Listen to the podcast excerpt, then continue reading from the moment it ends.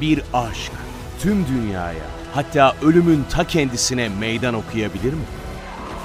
The Walking Dead, The Ones Who Live, şimdi ve sadece TV Plus'ta.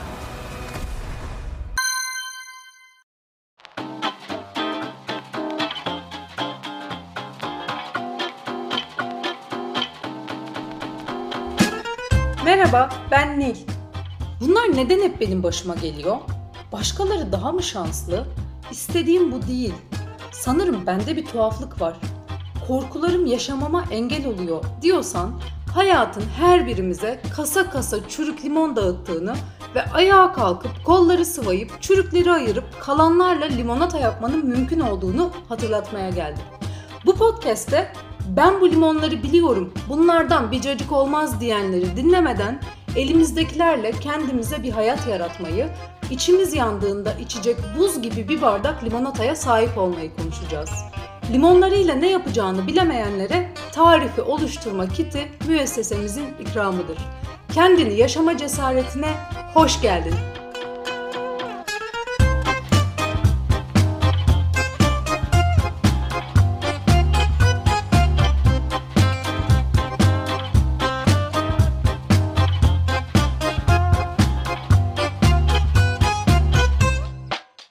Selam, Kendini Yaşama Cesaretinin 6. bölümüne hoş geldiniz. Umarım iyisinizdir. Beni soracak olursanız ne çok iyi ne çok kötüyüm.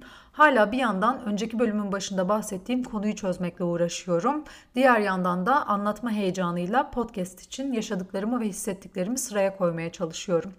Çocukluğu ve ergenliği anlatmayı bitirip de hayatımın en yoğun ve heyecanlı dönemlerine giriş yapacağım şu aşamada kendimi sorgularla sabote etmeye başladım. Acaba sizi sıkıyor muyum? Yaşadıklarımı size de faydalı olacak şekilde aktarabilecek miyim? Podcast işini kıvırabiliyor muyum? Daha eğlenceli şekilde mi aktarmam gerekiyor? Binbir emekle uğraşıp elde ettiklerim umut da verebilir ama ya bazı insanlar daha çok çabalayabilecekken bunu yapmadıklarını ya da daha azına eriştiklerini düşünüp kendilerini kötü hissederlerse gibi düşünceler üşüşüyor sürekli aklıma. Henüz anlatmayı en çok önemsediğim bölümlere gelmedik. Ya dinlemeye devam etmezseniz diye endişeleniyorum. Halbuki dinlenme sayılarını görüyorum. Neredeyse hiçbir reklam çalışması yapmadan her geçen gün daha fazla insana ulaşıyor anlattıklarım. Genel olarak podcast'i dinleyen anneler hem kendi hikayelerini ve yaşadıklarını tekrar düşünürken bir yandan da davranışlarının çocukları üzerindeki etkilerini düşünmeye başladıklarını, yaşıtlarım kendi hikayelerini hatırlayıp kendilerini daha iyi anlamaya çalıştıklarını, hayatlarının başında olanlar da yalnız olmadıklarını görmenin cesaret ve ilham verdiğini söylüyorlar.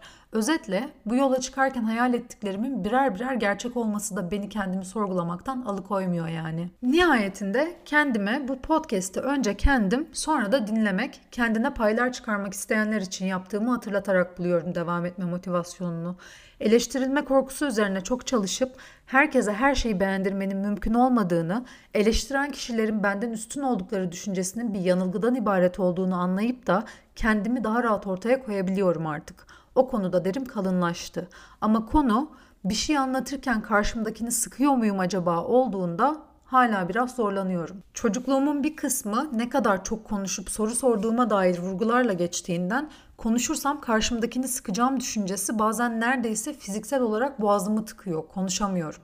Kendimi ancak karşımda pür dikkat beni dinleyen biri olduğunda düzgünce ifade edebiliyorum. Yoksa ay acaba sıktım mı, çok mu konuştum, bu insan bu konuyla ilgileniyor mu ki gerçekten diye düşünmekten yoruluyorum.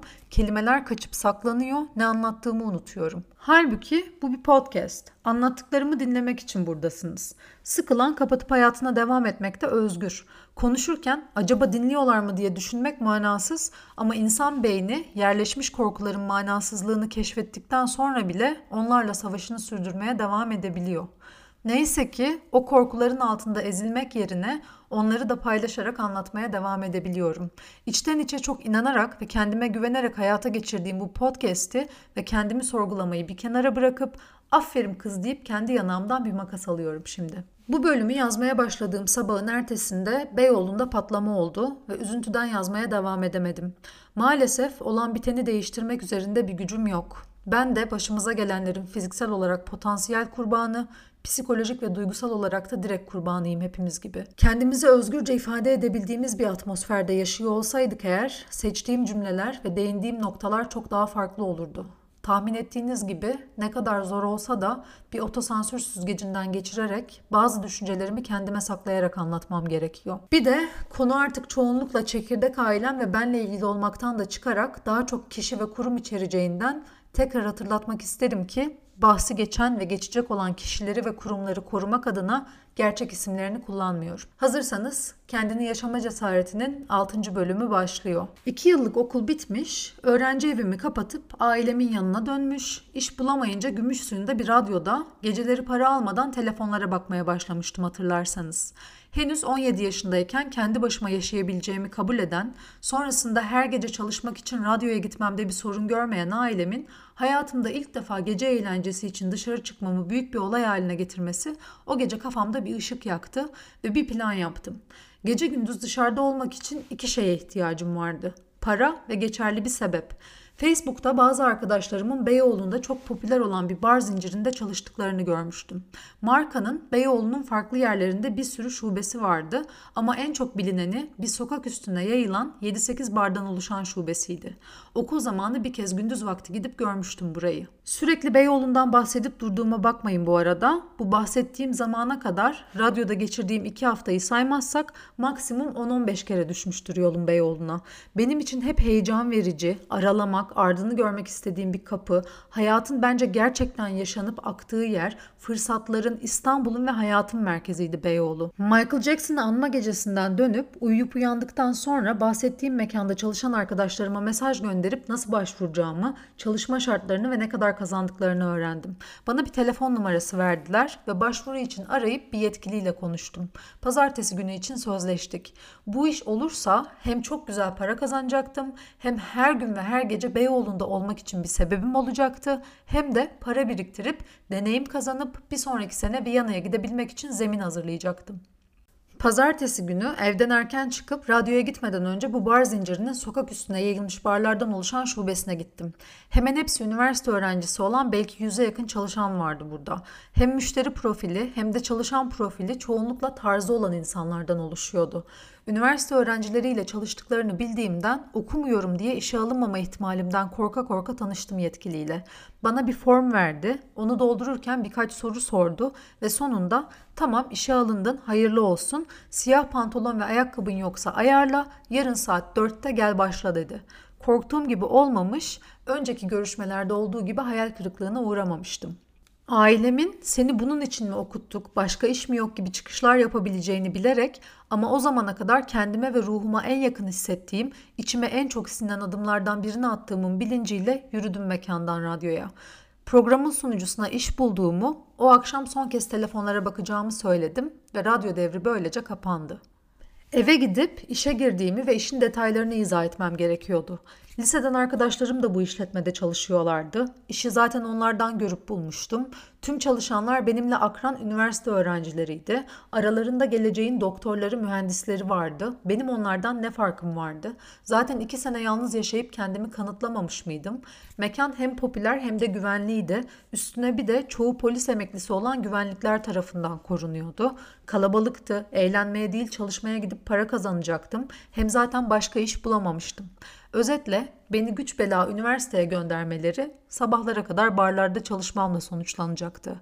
Hayal ettiğim gibi bir yaşama ulaşabilmek için bu adımı atmam gerektiğini bildiğimden engel olmaya çalışmalarına kulak asmamakta kararlıydım. Tam tepkilerini hatırlamasam da biraz endişelenip bu hamlemi çok da ciddiye almadıklarını ama kabul ettiklerini hatırlıyorum. Bir başlayayım, zamanla güvenlerini ve onaylarını da kazanırım diyerek heyecanla hazırlandım ilk iş gününe. Giydim siyahları, belki son kez harçlık aldım ve çıktım yola. Küçük yıldan Beyoğlu'na gitmenin ve sabaha karşı geri dönmenin en iyi alternatiflerini bulmam gerekecekti. Ama ne yol, ne yorgunluk, ne de okuyup kendine iş olarak barda çalışmayı mı seçtin deyip yargılamaya kalkacak olanlar umurumdaydı. Çok heyecanlıydım, çok umutluydum. Yaşamaya, öğrenmeye, deneyimlere ve terimin son damlasına kadar çalışmaya hazırdım. 27 Ekim 2009 Salı günü saat 4 civarı sokak henüz çok kalabalık değilken vardım mekana. Belime bağlamam için üzerinde mekanın logosunun olduğu bir önlük verdiler. Garsonlarda siparişleri alıp bara iletmelerine yarayan kol bilgisayarları vardı. Bana onlardan birini vermediler ve işi öğrenene kadar garsonlara yardım ederek ara elemanlık yapacağımı söylediler. Müşterilerle iletişime geçip sipariş almadan küllük değiştirip boş toplayıp getir götür yapacaktım. Mekanda bangır bangır sevdiğim şarkılar çalıyordu. Herkes eğlenmeye geldiği için genel bir keyif hali hakimdi. Bir sürü yeni insanla tanışıyor, kendimi onların ortamlarına adapte edip kabul görmeyi umuyordum. Verilen tüm işleri kendime adayarak yapıyordum. Bir yandan mekanın işleyişini kavramaya çalışırken diğer yandan menüyü, kokteylleri, kokteyllerin içinde ne olduğu gibi şeyleri öğrenmem gerekiyordu. Harıl harıl çalışırken bir çalışma arkadaşım gelip ana bardan seni çağırıyorlar dedi. Gittim. Tüm barlardaki en yetkili barmen bana hoş geldin çileği verdi. Teşekkür edip yiyince fark ettim ki çileğin içi acı sosla dolu. Yeni başlayanlara yaptıkları bir şakaymış bu. Diğer bir şaka da yeni geleni Atların eğerini bulamıyoruz. Üst kattaki depoya bakar mısın gibi aşırı alakasız bir taleple gelip mekanda at olduğuna inandırıp o şeyi bulması için kandırmaktı. Çilek şakasından sonra onu yemedim tabii. Akşamüstü saat 4'ten gece saat 4'e kadar oturmadan çalışıp bir sürü insanla tanışıp konuşmuş bir sürü şey öğrenmiştim. Kapanış saati geldiğinde kızlar ortalığı toparlıyor, erkekler de sokaktaki masayı sandalyeyi kaldırıyordu. Toparlama işini bitirip bir an evvel gidebilelim diye masanın sandalyenin toplanmasına da yardım ettim ilk akşam. Günlük kazandığımız için kapanışta adına çıkış dedikleri yemiyelerimizi dağıttılar ve ayrıldık mekandan. Ben en alt seviyede olduğum için garson olana kadar 35 lira alacaktım. Garson garsonlar 45, barda çalışanlarsa seviyelerine göre 50 ya da 55 lira alıyorlardı o dönem. Şimdi baktım döviz karşılığı neymiş diye. Dolar 1,5 lira civarıymış. 35 lira 25 dolar ediyormuş. Bugünün 465 lirası yani.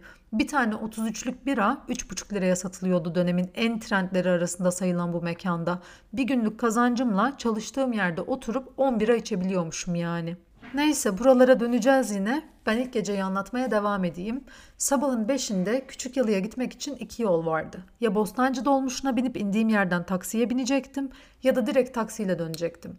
Taksiyle dönmek bir opsiyon olmadığından dolmuşa bindim haliyle. Hafta içi o saatte kimse olmadığından dolmuş da olsun diye bekledik uzunca bir süre. Eve vardığımda sabah saat 7 civarıydı diye hatırlıyorum. Yani benim işten eve dönüş saatim kardeşimin okula, babamın da işe gitme saatine denk geliyordu. Diğer iş arkadaşlarım gibi okula gitmem gerekmediğinden başlarda haftada 6 gün çalışıp pazar günleri izin yapıyordum. Bir yerden sonra izin günlerine çarşamba gününü de ekleyip iş günlerini haftada 5'e düşürdüm. Evde kardeşime ve babama denk geldiğim günler bunlarla sınırlıydı.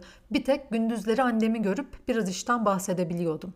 İlk gün nasıl canla başla çalıştıysam ikinci gün koluma bahsettiğim sipariş bilgisayarı gibi olan şeyi verip artık garsonsun Kolundaki de pahalı ve sana zimmetli sakın kaybetme demişlerdi. Daha ikinci günden kazancım 45 lira yani bugünün parasıyla 550 lira civarına çıkmıştı. Mutluydum. Üstüne bir de haftalık tipler eklenince bir sürü param oluyordu. Gardolabımın üst rafında kıyafetlerin altında biriktirmeye başlamıştım kazandıklarımı. Sabaha karşı eve dönüp birikimime o gün kazandıklarımı da eklemekten acayip mutlu oluyordum.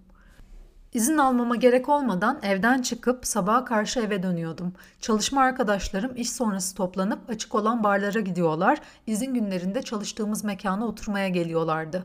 Bense sadece işe, kendimi hem işte hem de evde kanıtlamaya odaklıydım. İşe başladıktan kısa bir süre sonra bana o acılı hoş geldin çileğini veren barmen gencecik yaşında hayatını kaybetmişti. Henüz lise zamanlarında aşinaydım hayatı hızlı yaşa genç öl mottosuyla yaşayanlara. Hayatı dolu dolu hissederek, gerçeklerden kopmadan, tüm netliğiyle algılayıp yaşamak, her an her şeye hazır olmak ve daha iyi bir hayata ulaşmak için ayık olmak gerektiğini düşünüyor. İnsanların kendilerini uyuşturmalarını, hatta bunun eğlenceli olduğunu düşünmelerini, başlarına gelebileceklerden korkmamalarını tuhaf buluyordum.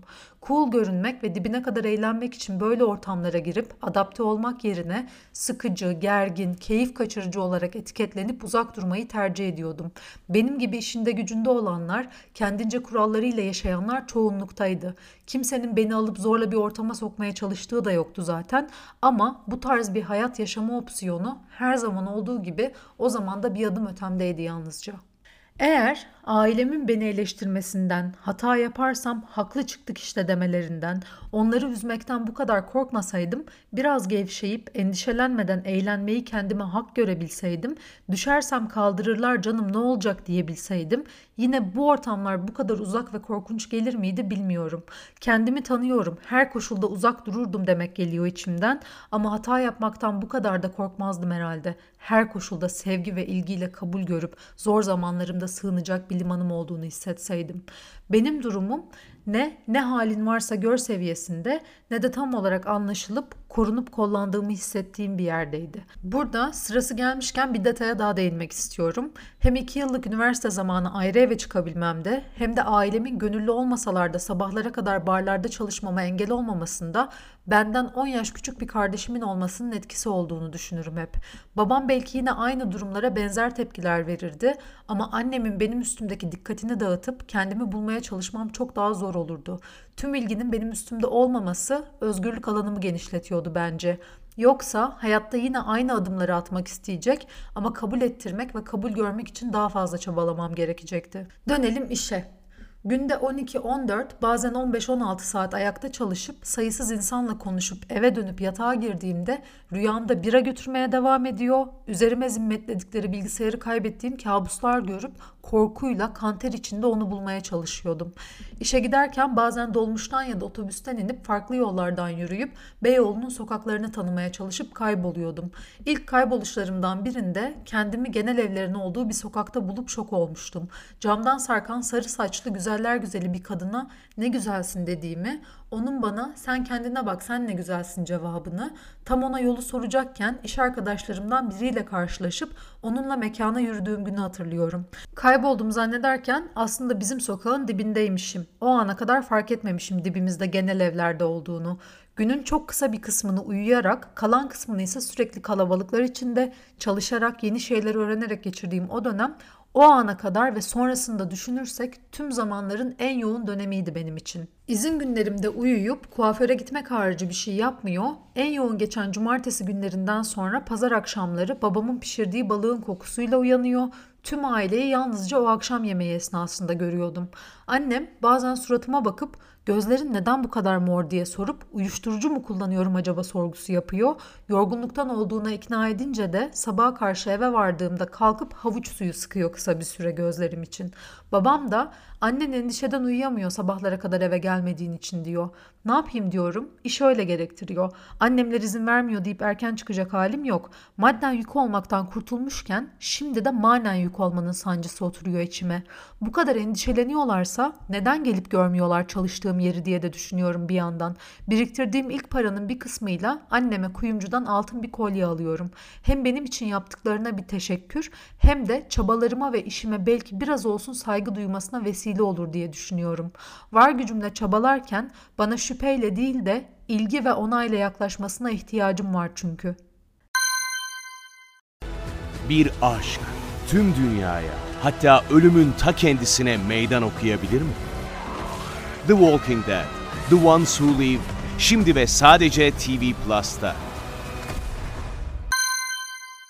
Her ne kadar dışarıya hallediyorum, kendi ayaklarımın üstünde duruyorum diye yansıtmaya çalışsam da hem işte hem de evde bir başımayım aslında. Dışarıya kendimi tam olarak açamıyorum.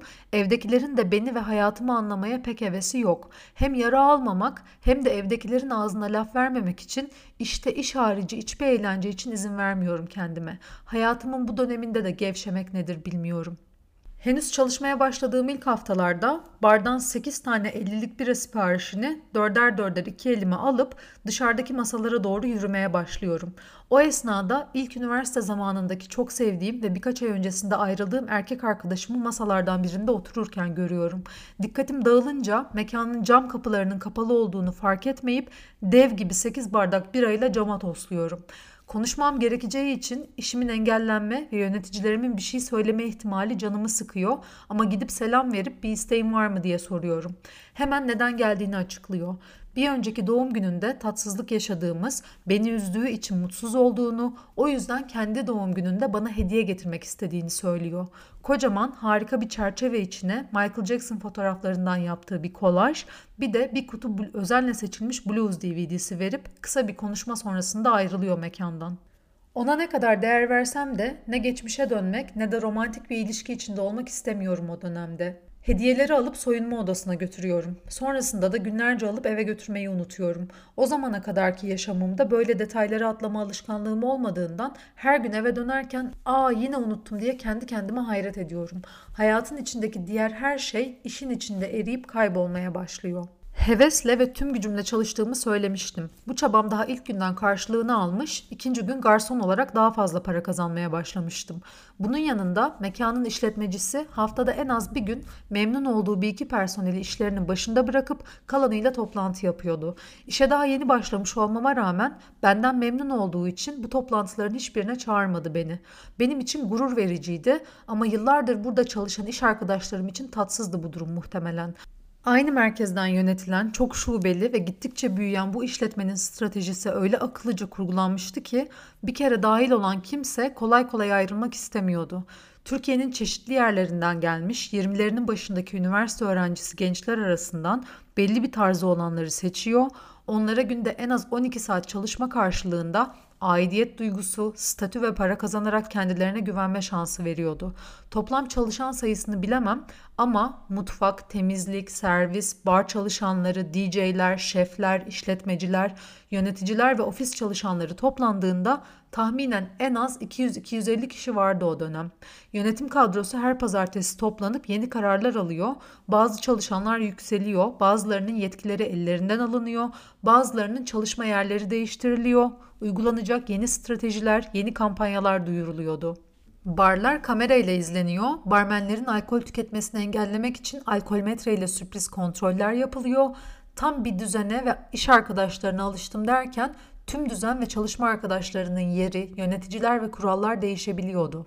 Bunun yanında ödemeler o dönemin piyasasına oranla daha yüksek yapılıyordu. Diğer işletmelerde olduğu gibi tuvaletlerin temizliği, çöplerin çıkarılması gibi işleri garsonlar yapmıyor. Bunlar için ayrı eleman çalıştırılıyordu. Ara elemanlıktan garsonluğa, oradan bara, şefliğe ve işletmeciliğe yükselme imkanı vardı. Ama bu imkan aşırı istisnalar hariç erkekler için geçerliydi.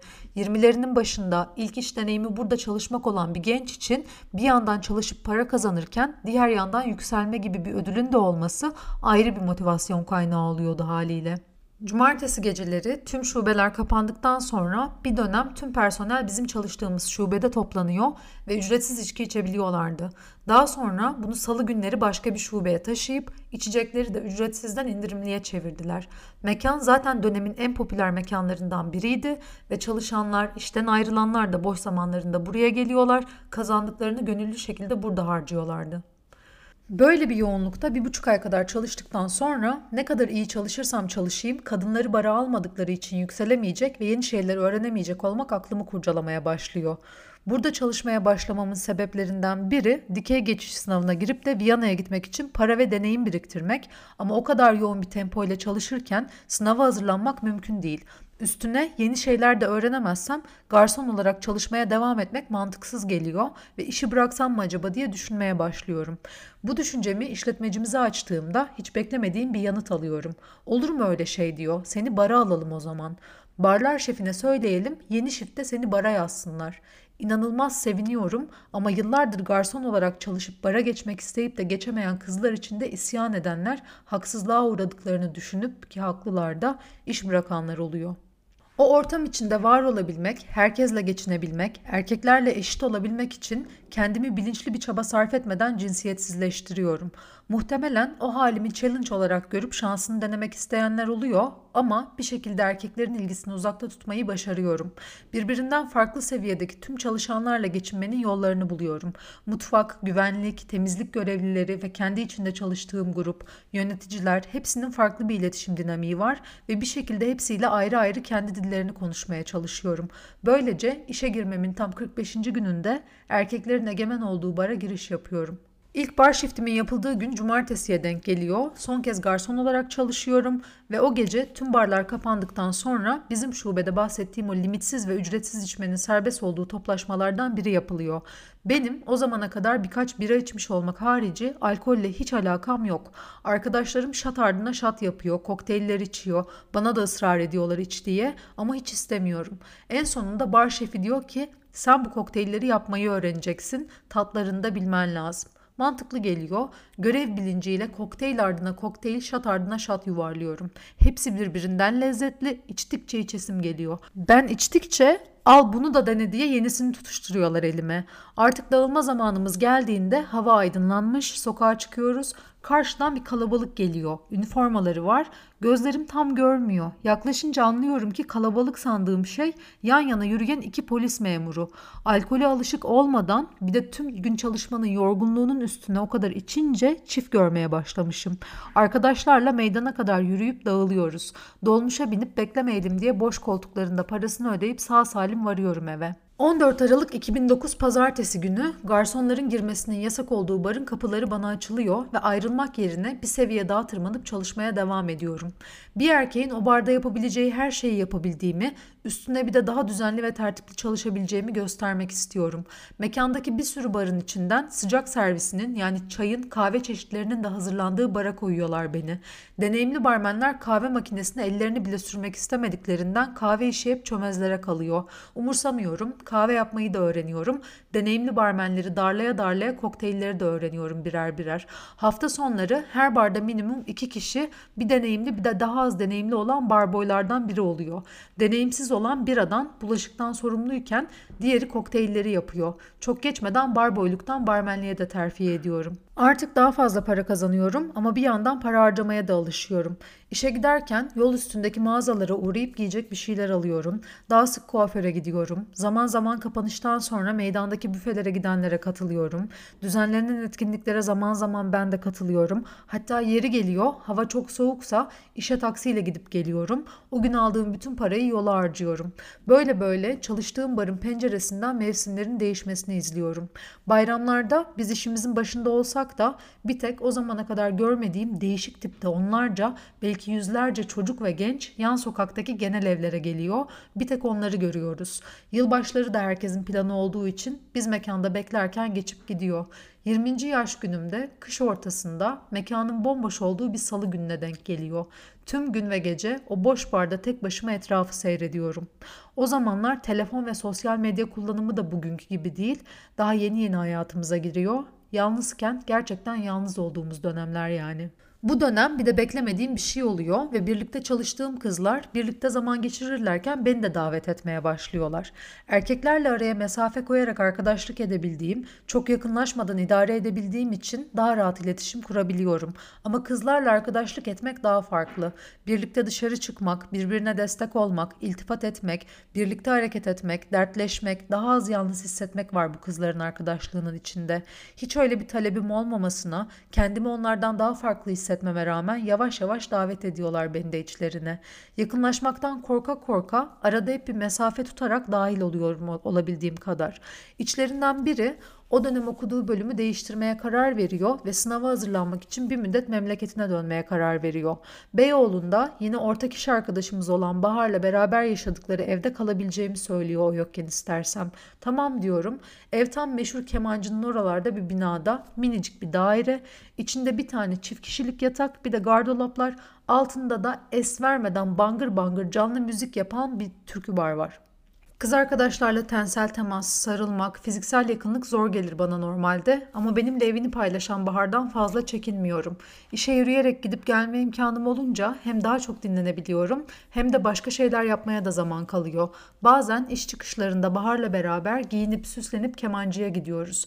Başka bir şehirden gelen Bahar, İstanbullu olan bana Beyoğlu'nun bohem hayatının kapılarını aralıyor.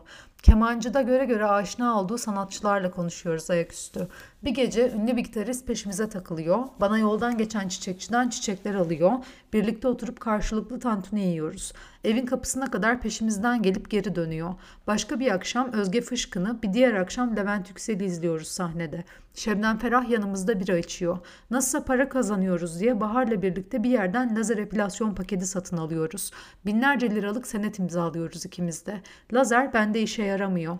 Bir yıl gittikten sonra gitmeyi bırakıp taksitlerini ödemeye devam etmek zorunda kalıyorum. İşe yaramadığı için tüketici heyetine kadar gidiyorum daha fazla ödememek için ama imzaladığım sözleşme gereği ödemeye devam etmem gerekiyor. Hayatım boyunca bir daha bu tarz hiçbir şeye imza atmama konusunda da ders oluyor bu olay bana. Geceleri de eve gitmeyi bıraktığım için annem ilk defa hem çalıştığım yeri hem de kaldığım evi görmek için Beyoğlu'na geliyor. Karanlık, yağmurlu bir günde ona etrafı gösteriyorum. Bahar'la da tanışıyor. Daha sonra içi rahat etsin diye bir gece Bahar'ı da alıp Küçük Yalı'ya götürüyorum. Bir gece kalıyor bizde. Evde olabildiğince az zaman geçirmek istiyorum o dönemde. Genel gerginlik hali, üstüne bir de babamın laptoptan başka kadınlarla konuştuğuna göz ucuyla şahit olup görmüyormuş gibi davranmak, aman ortalık çok mu karışacak diye endişelenmek, bunlara odaklanmak istemiyorum. Bahar'ın yanında yaklaşık bir ay kadar kalıyorum. O kısacık zamanda psikoloji okuyan Bahar bana sende obsesif kompulsif bozukluk var bence diyor. Yakından gözlemleme imkanı bulunca. Açıklamasını istiyorum. Söyledikleri mantıklı geliyor. O da toy ben de toyum. İkimiz de 20 yaşındayız. Sonraki yıllarda gittiğim terapilerde herhangi bir teşhis koyulmamış olsa da bir OKB'linin yaptığı gibi endişelerden uzaklaşmak için ritüeller oluşturup onlara sadık kaldığım doğru. O ritüeller sekteye uğradığında dünyam başıma yıkılıyor. Etkisi eskisinden daha az olsa da hala süren bir durum bu. Tüm bunların olduğu Mayıs ayında şirket bir pazar günü bütün şubeleri kapatıp tüm personeli pikniğe götürdü. İşletme sahibinin farklı şubelerde işletmecilik yapan ve birbirinden haberi olan iki farklı kız arkadaşı vardı. Bir de markayı kurduğu dönemde nişanlısı olan bir başkası da şubelerden birinde işletmecilik yapmaya devam ediyordu. Bu ilişki sarmalından hepimizin haberi vardı ama yokmuş gibi davranıyorduk. Kendi bilecekleri işte sonuçta. Kızlardan biri benim çalıştığım barın işletmecisiydi. Birlikte çalışıyorduk.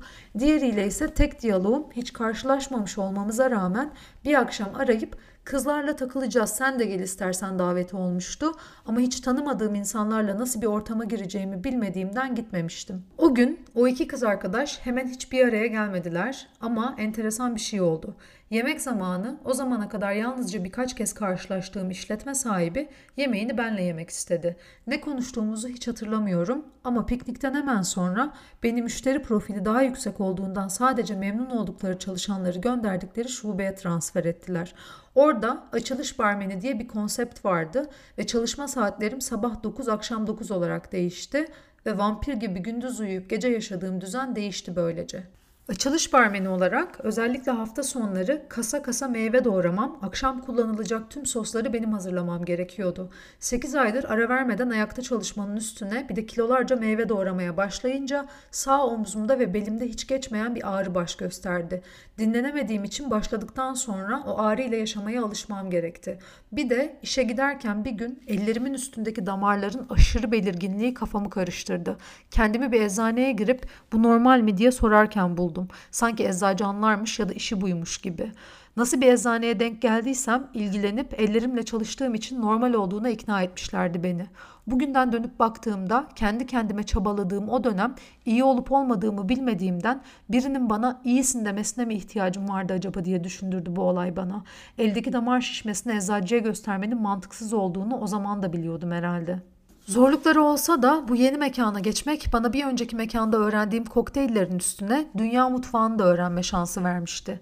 O zamana kadar bu tarz mekanların müşterisi olmadığım için tüm yemeklerin, içkilerin isimlerini, içeriklerini, telaffuzlarını, nasıl yenilip içildiklerini, yiyip içtikten sonra tip bırakmayı, restoranda nasıl davranılacağını, hizmet verenle nasıl iletişim kurulacağını çalışırken öğrendim.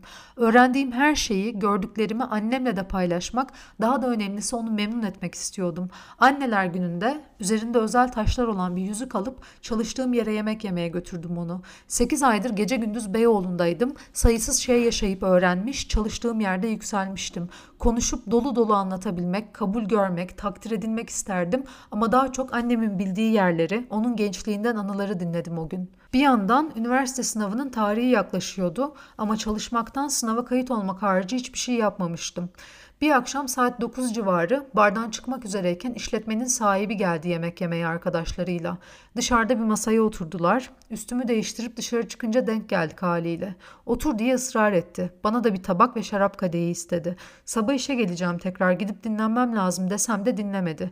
Bir yandan şarap doldurup bir yandan tabağıma peynir servisi yaptı. Çalışma arkadaşlarım tuhaf karşılayacaklar diye gerilirken bir yandan da konuşmaya adapte olmaya, bir an önce kalkmanın yolunu bulmaya çalışıyordum.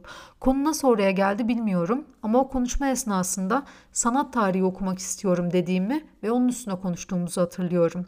O yıl dikey geçiş sınavı için kayıt bile yaptırmamamla sonuçlandı ama hiç hatırlamasam da günlüklerde de yazdığına göre üniversite sınavına kaydolmuşum. Bu karşılaşmadan kısa bir süre sonra pazartesi günleri yapılan ve pozisyonların değiştiği, büyük değişiklik kararlarının alındığı yönetici toplantılarından sonra ben de bir telefon aldım. O telefonla gelen haberi ve hikayenin devamını bir sonraki bölümde anlatacağım. Kendi hikayemden ve yaşadıklarımdan bahsederken bir dönemin Türkiye'sini ve Beyoğlu'nu da az çok tarif edebilmiş olduğumu umuyorum. Yeni mezun olarak iş bulmakta ne kadar zorlanmış olsam da henüz 20 yaşındayken haftada 5 gün barda çalışarak aldığım tiplerle beraber 1000 dolara yakın para kazanabiliyordum. Çok çalışıyordum ama karşılığında yurt dışına gitmek için para biriktirmek, kira ödemek, okul taksidi ödemek, tatile gidebilmek, gezip eğlenmeye bütçe ayırabilmek hayal hayal değildi. O günden bugüne yalnızca Türk lirası değer kaybetmekle kalmadı, öğrencilere ekmek kapısı olan bu tarz işletmelerin de sayısı azaldı. Bu iş bana maddi manevi özgürlüğün, yeme içme kültürünü anlayıp yalnızca çalışan değil müşteri olarak da mekanlara girebilmenin, öğrendiklerim ve kazandığım deneyimlerle üstüne bir hayat inşa edebilmenin kapılarını açtı. Bugün öğrenci olarak haftada 5 gün çalışıp da 1000 dolar kazanmak, çalıştığı barda günlük kazandığı parayla en az 10 bira içebilecek olmak falan aşırı istisnalar hariç tamamen hayal oldu. Önceki bölümlerden anlayacağınız üzere hayat ve şartlar o zaman da mükemmel değildi ama bir yolunu bulup insanca bir hayat yaratmaya çalışmak bu kadar da imkansız değildi. Beyoğlu terörle özdeşleşmiş, kalabalığın içinde aşina olduğumuz yüzler göremediğimiz, yürürken kendimizi farklı bir memleketteymiş gibi hissettiğimiz bir yer değildi. Bunları da eklemek isterim. Her zaman olduğu gibi bölümün yaşandığı dönemde dinlediğim şarkılardan oluşan müzik listesini açıklamalarda bulabilirsiniz. Bir de hepsine teker teker geri dönemesem de gönderdiğiniz mesajları okuyorum. Yazmanız beni mutlu ediyor. Hepinizi sevgiyle kucaklıyorum. Bir sonraki bölümde görüşmek üzere. Hoşçakalın.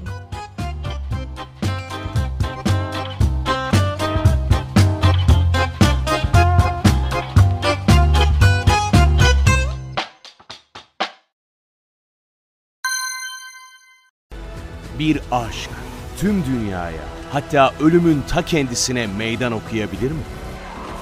The Walking Dead, The Ones Who Live şimdi ve sadece TV Plus'ta.